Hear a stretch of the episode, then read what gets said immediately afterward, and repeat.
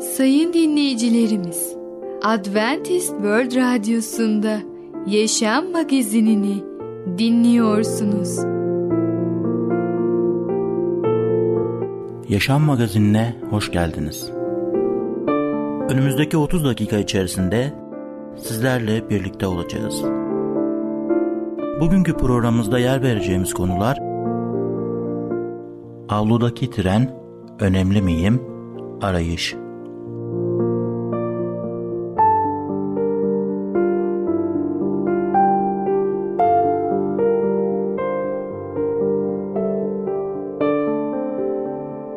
Adventist World Radyosu'nu dinliyorsunuz. Sizi seven ve düşünen radyo kanalı. Sayın dinleyicilerimiz, bizlere ulaşmak isterseniz e-mail adresimiz radio.umutv.org radio.umutv.org Bizlere WhatsApp yoluyla da ulaşabilirsiniz. WhatsApp numaramız 00961 357 997 867 06 00961 357 997 867 06 Şimdiki konumuz arayış. Nerede aramalıyız? Merhaba değerli dinleyicimiz. Bereket Dağı'ndan Düşünceler adlı programa hoş geldiniz. Ben Tamer. Bugün sizlerle birlikte olacağım. Bugünkü konumuz arayış. Biliyor musunuz? Bir olayı size anlatacağım. Bir baba ailesiyle birlikte tatile çıkıyor ve arabasıyla doğada bir yolculuğa çıkıyor ve oradan haritayla birlikte kendisi doğadaki bir tatil yerine ulaşmaya çalışıyor. Ama sonunda yolu şaşırıyor ve kayboluyor. Yolculuk ederken bir kestirme yolundan geçmek istiyor ve orada karşısına bir tabela çıkıyor ve diyor giriş yasaktır. Yol yoktur. Bakıyor haritaya, bakıyor o yola ama yol devam ediyor. Ormanın içinden devam ediyor diye görüyor ve diyor eşine ya bak diyor ben kendi içgüdülerime güveniyorum. Bu yoldan gireceğim, devam edeceğim. Ve kendisi o giriş yasaktır tabelasını ihmal ediyor ve devam ediyor yolculuğa. Ve o yoldan yürürken ve arabasıyla devam ederken bir yerde görüyor ki bir ırmak ve üzerinde yıkılmış bir köprü önünde bekliyor. Anlıyor ki yanılmış ve kendisine olan güveni tamamen sıfıra düşmüş. Ve mecburen arabasıyla geri dönüyor ve geri doğru ilerlemeye başlıyor. Yolun başında o tabelaya gelince bir bakıyor ki tabelanın arka tarafında böyle bir yazı yazılmış. Hoş geldin aptal yolcu. Biz de bazen kendimize fazla, gereğinden fazla güvenmiyor muyuz? Bazen kendi egolarımızı çok daha fazla gereğinden önem verip onlara göre hareket etmiyor muyuz? Ona göre biz yanlış yoldan yürümeye seçmiyor muyuz? Evet aslında özgüven kötü bir şey değil. Özgüven ve güvenmek bence doğru bir şey. Ama önemli olan içinde kim olacak? Önemli olan senin kalbindeki birinci yer kime vereceksin? Eğer sen onu yüce yaratana, yüce Allah'a verirsen o zaman senin güvenin onda olacak, yaratanda, Tanrı'da olacak. Ve tabii ki öyle bir güvenle yaşamak çok daha iyidir. Biliyor musunuz bazı insanlar bilim için aman aman bilimden uzak durun diyorlar. Ayartan bilim diyorlar. Bilimin insana istediğini sandığı pek çok şeyi verdiğini inkar edemeyiz. Ancak sözünü ettiğimiz bu bilim bize insanlığın üzerine bugüne kadar boca edilmiş en korkunç ve kaygı verici armağanı sunmaktadır.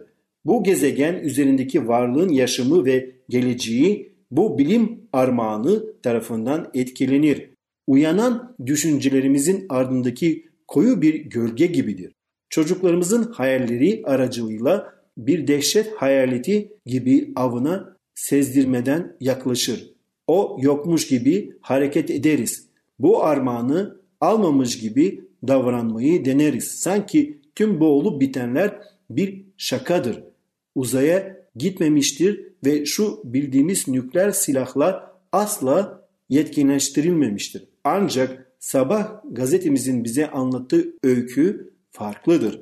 Elbette başka yollar da vardır ve pek çok kişi şu anda bu yollarda yürümektedirler.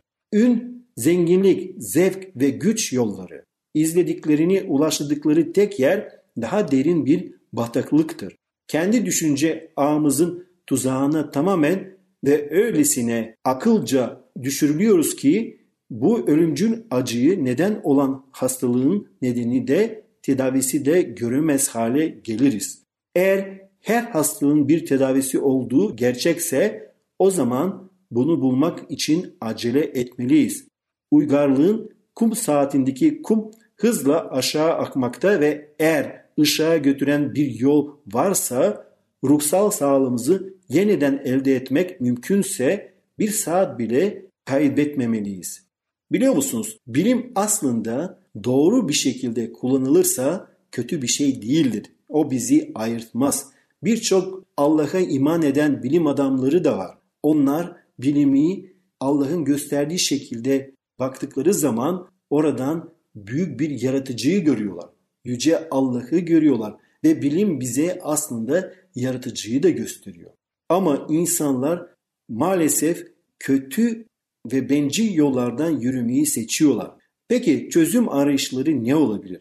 Pek çok kişi bu kriz zamanında süreklenip gidiyor ve çabaların kendilerini yukarı değil çukurun daha da dibine çektiğini görüyorlar. 80'li yıllarda intiharlar birden yükselmeye başladı. 10 ile 14 yaş arasındaki çocuklar arasındaki intiharlar son yıllarda 3 kart artış gösterdiğini batıdaki istatistik veriler bize gösteriyor. Önderlik adındaki bir dergi her yıl yarım milyon kişinin intihara girişiminde bulunduğunu ve aralarında 50 bin kişinin başarılı olduğunu değerlendirmesini yapıyor. Görüyorsunuz batıda ne kadar büyük bir çözümsüzlük, karamsallık ki insanlar intihara bile yol olarak seçebiliyorlar. 1981 yılındaki intihar sayısı cinayet sayısından daha yüksek olduğunu görüyoruz. Ve geçen yıllarda aralarında gençlerin de çoğunlukta bulunduğu binlerce batılı gencimiz çözüm arayışına verilen yanlış yanıtları bile bulamayarak adına uygarlık dediğimiz insan yapısı bu vahşi ormanda dolanmak yerine yaşamlarına son vermeyi seçmişler. Son onlu yıllarda boşanma sayısı da yükselmiş. Kilisinin içinde bile her iki evlilikten biri boşanmayla sonuçlanmaya başlamış. Neredeyiz diye soruyorsunuz. Şimdi neredeysen nereye gidiyorsun? Nerede olduğunuzu ve niye olduğumuzu size söyleyeyim. Bizler bir boş insanlar olarak yaşamaya seçmişiz ve maalesef Allah'tan uzak duruyoruz. Allah'ın kelamından uzak duruyoruz. Allah'ı zaman varken arayalım. Allah'ın gösterdiği doğru yoldan yürüyelim. Allah'ın bereket dağındaki vaazından o ahlaki değerleri öğrenelim. Bir gerçek imanlının ne tür ahlaki değerlere sahip olması gerektiğini oradan öğreneceğiz ve ona göre yaşayacağız. O zaman bizim hem iç huzurumuz olacak hem Yüce Rab'le birlikte bir iman hayatına sahip olacağız. Değerli dinleyicimiz, bugün arayış hakkında konuştuk. Bir sonraki programda tekrar görüşmek dileğiyle, hoşçakalın.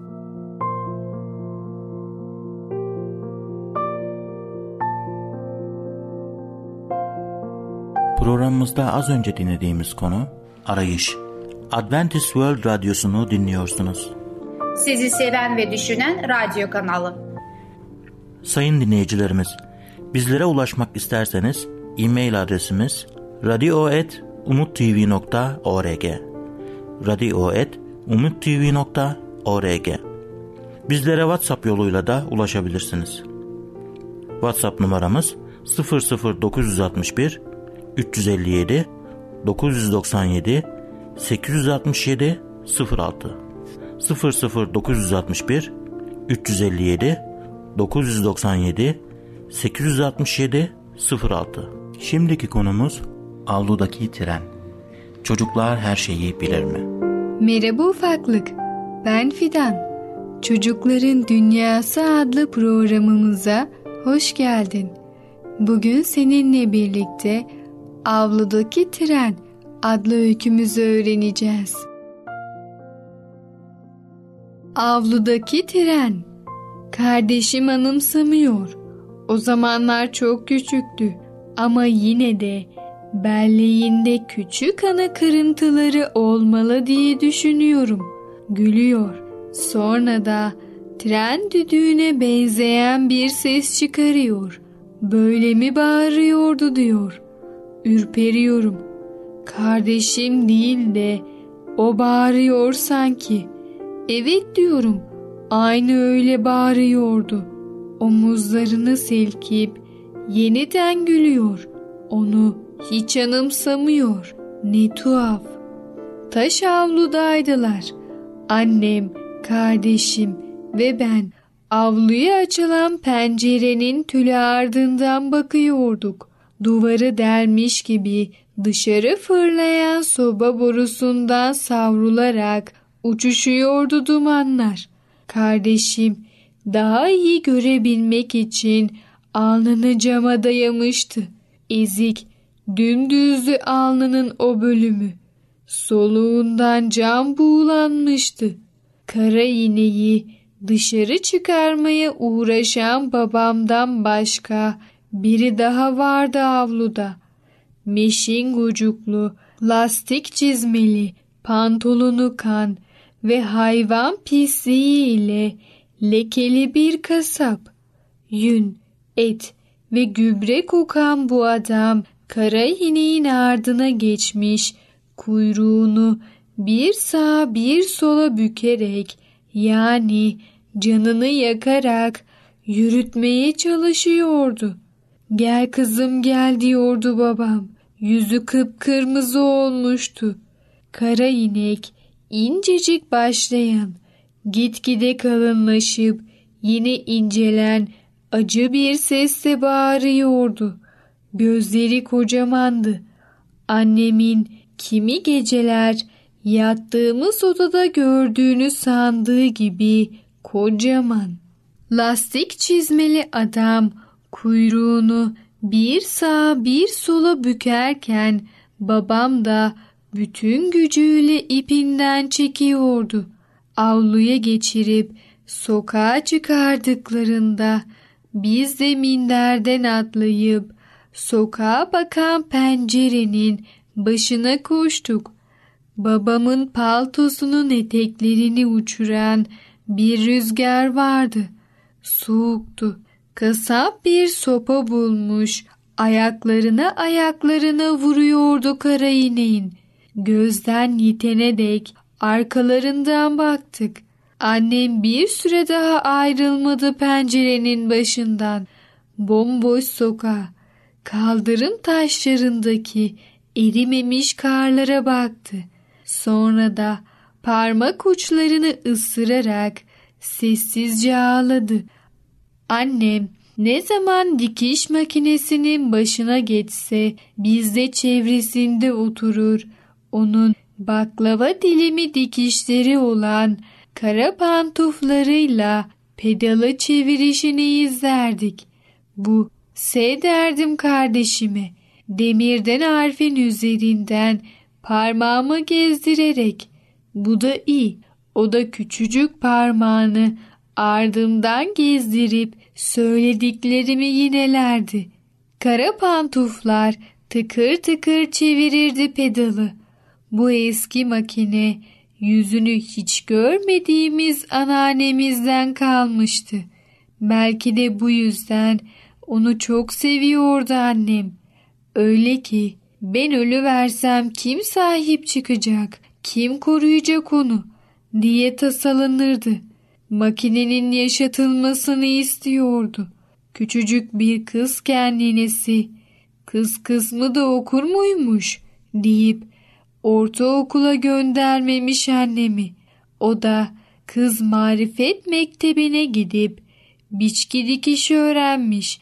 İlle de terzi olmak istiyormuş. Daha ilkokuldayken kağıttan elbiseler biçer, eski giysileri bozup kendine eteklikler dikermiş. Büyükler de hep şaşırırmış.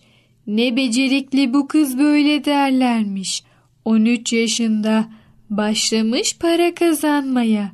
Ninesi onun dikiş dikmesinden çok parmak kadar çocuğa güvenerek iş getirenlere şaşırırmış. Güç verecek yerde yılgı salarmış yüreğine. Ya yapamazsan, ya bozarsan nasıl öderiz dermiş. Annemin bütün acılarını, dertlerini, sevinçlerini biliyordu o makine. Gözü gibi bakıyordu ona. Bir gün babamla fısıl fısıl konuşmuşlardı. Annemin yüzü bembeyazdı. Ne isterlerse alsınlar demişti. Ama makineyi vermem. Sonra makineyi arka bahçeye taşımışlar. Üzerini eski bir kilim parçası, tahta ve çuvallarla örterek gizlemişlerdi. Çünkü eve birileri gelecekmiş. Hiç tanımadığımız adamlar ellerine geçirdikleri eşyaları alıp götüreceklermiş. Çok korkmuştuk. Kimdi o adamlar? Neden gelip eşyalarımızı alacaklardı? Çocuklar her şeyi bilmez demişti annem. Babanızın işi bozuldu ama düzelecek. Adamlar gelmemişti. İşlerin nasıl bozulduğunu anlayamadığımız gibi nasıl düzeldiğini de anlayamamıştık. Dikiş makinesi yeniden içeri taşınıp her zamanki yerine konmuştu. Evet ufaklık, Avludaki Tren adlı öykümüzü dinledin. Bir sonraki programımızda tekrar görüşene kadar kendine çok iyi bak ve çocukça kal. Programımızda az önce dinlediğimiz konu Avludaki Tren. Adventist World Radyosu'nu dinliyorsunuz. Sizi seven ve düşünen radyo kanalı.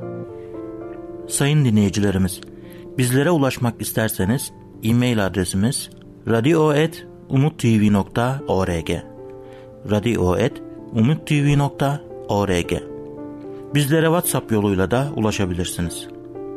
WhatsApp numaramız 00961 357 997 867 06 00961 357 997 867 06 Şimdiki konumuz önemli miyim?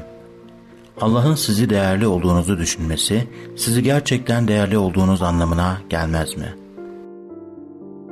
Sevgili dinleyici merhabalar. Kaderi Değiştiren programa hoş geldiniz. Ben Ketrin. Bugün sizlerle birlikte önemli miyim konumuzu devam edeceğiz. Önceki programımızda sizlerle birlikte çömlekçi örneğe bakmaya başlamıştık. Avanos'u gezen turistler çömlekçi atölyesinde bir geziye çıkmadan önce çömlek yapımını uygulamalar olarak görmek için bir yeraltı salonda toplanmışlardı. Salon duvarların dibinde dizili tahta banklara oturmuş. Gezi rehberini dinliyorlardı.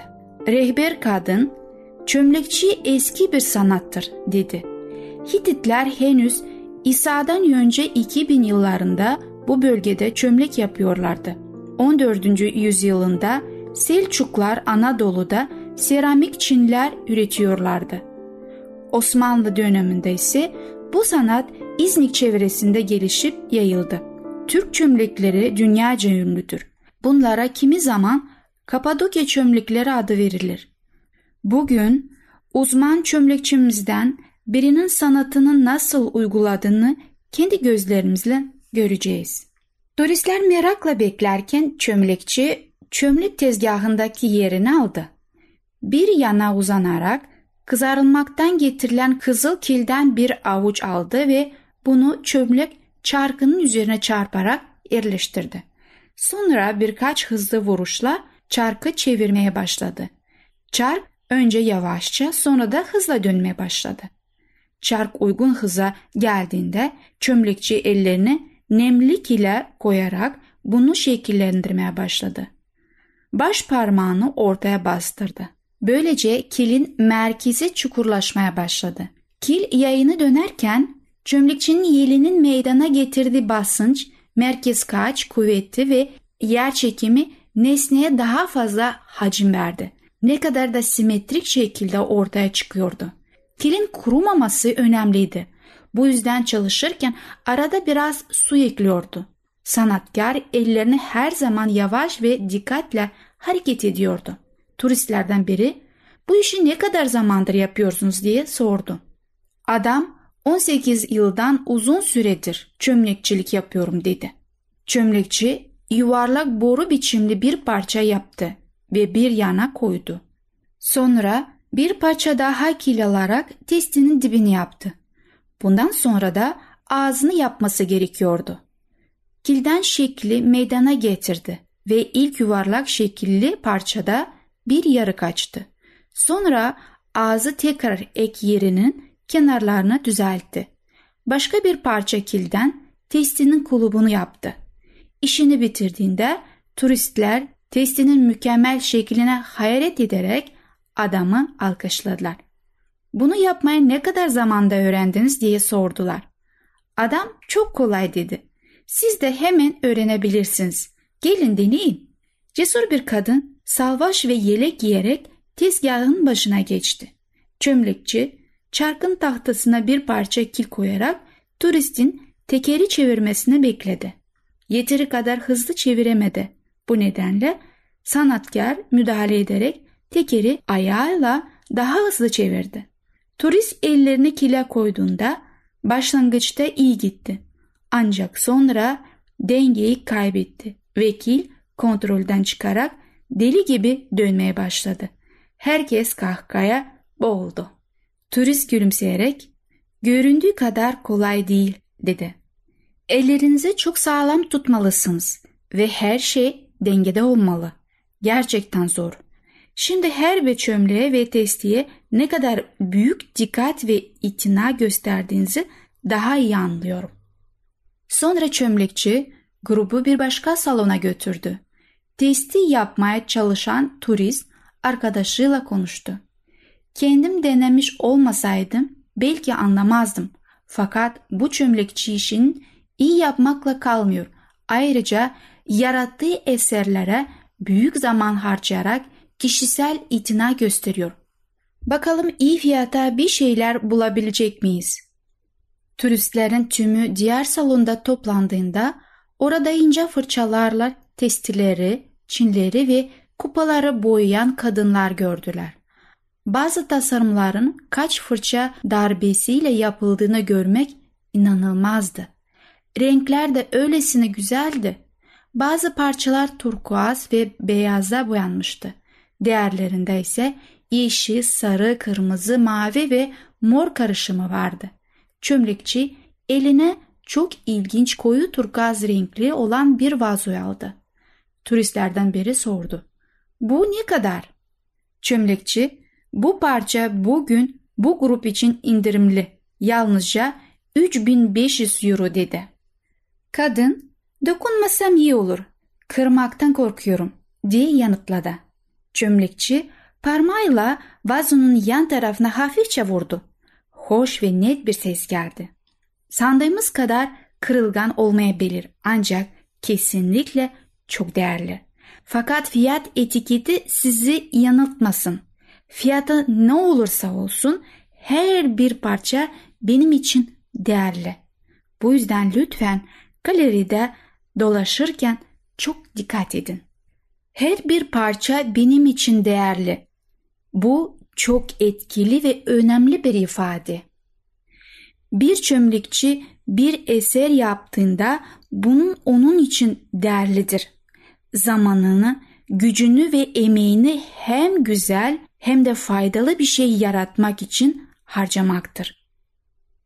Tıpkı testinin tabağın veya çanağın çömlekçi için değerli olduğu gibi biz de Allah için değerliyiz. Zira O yarattı. Şimdi dikkatinizi çekmek istiyorum. Bir düşünün.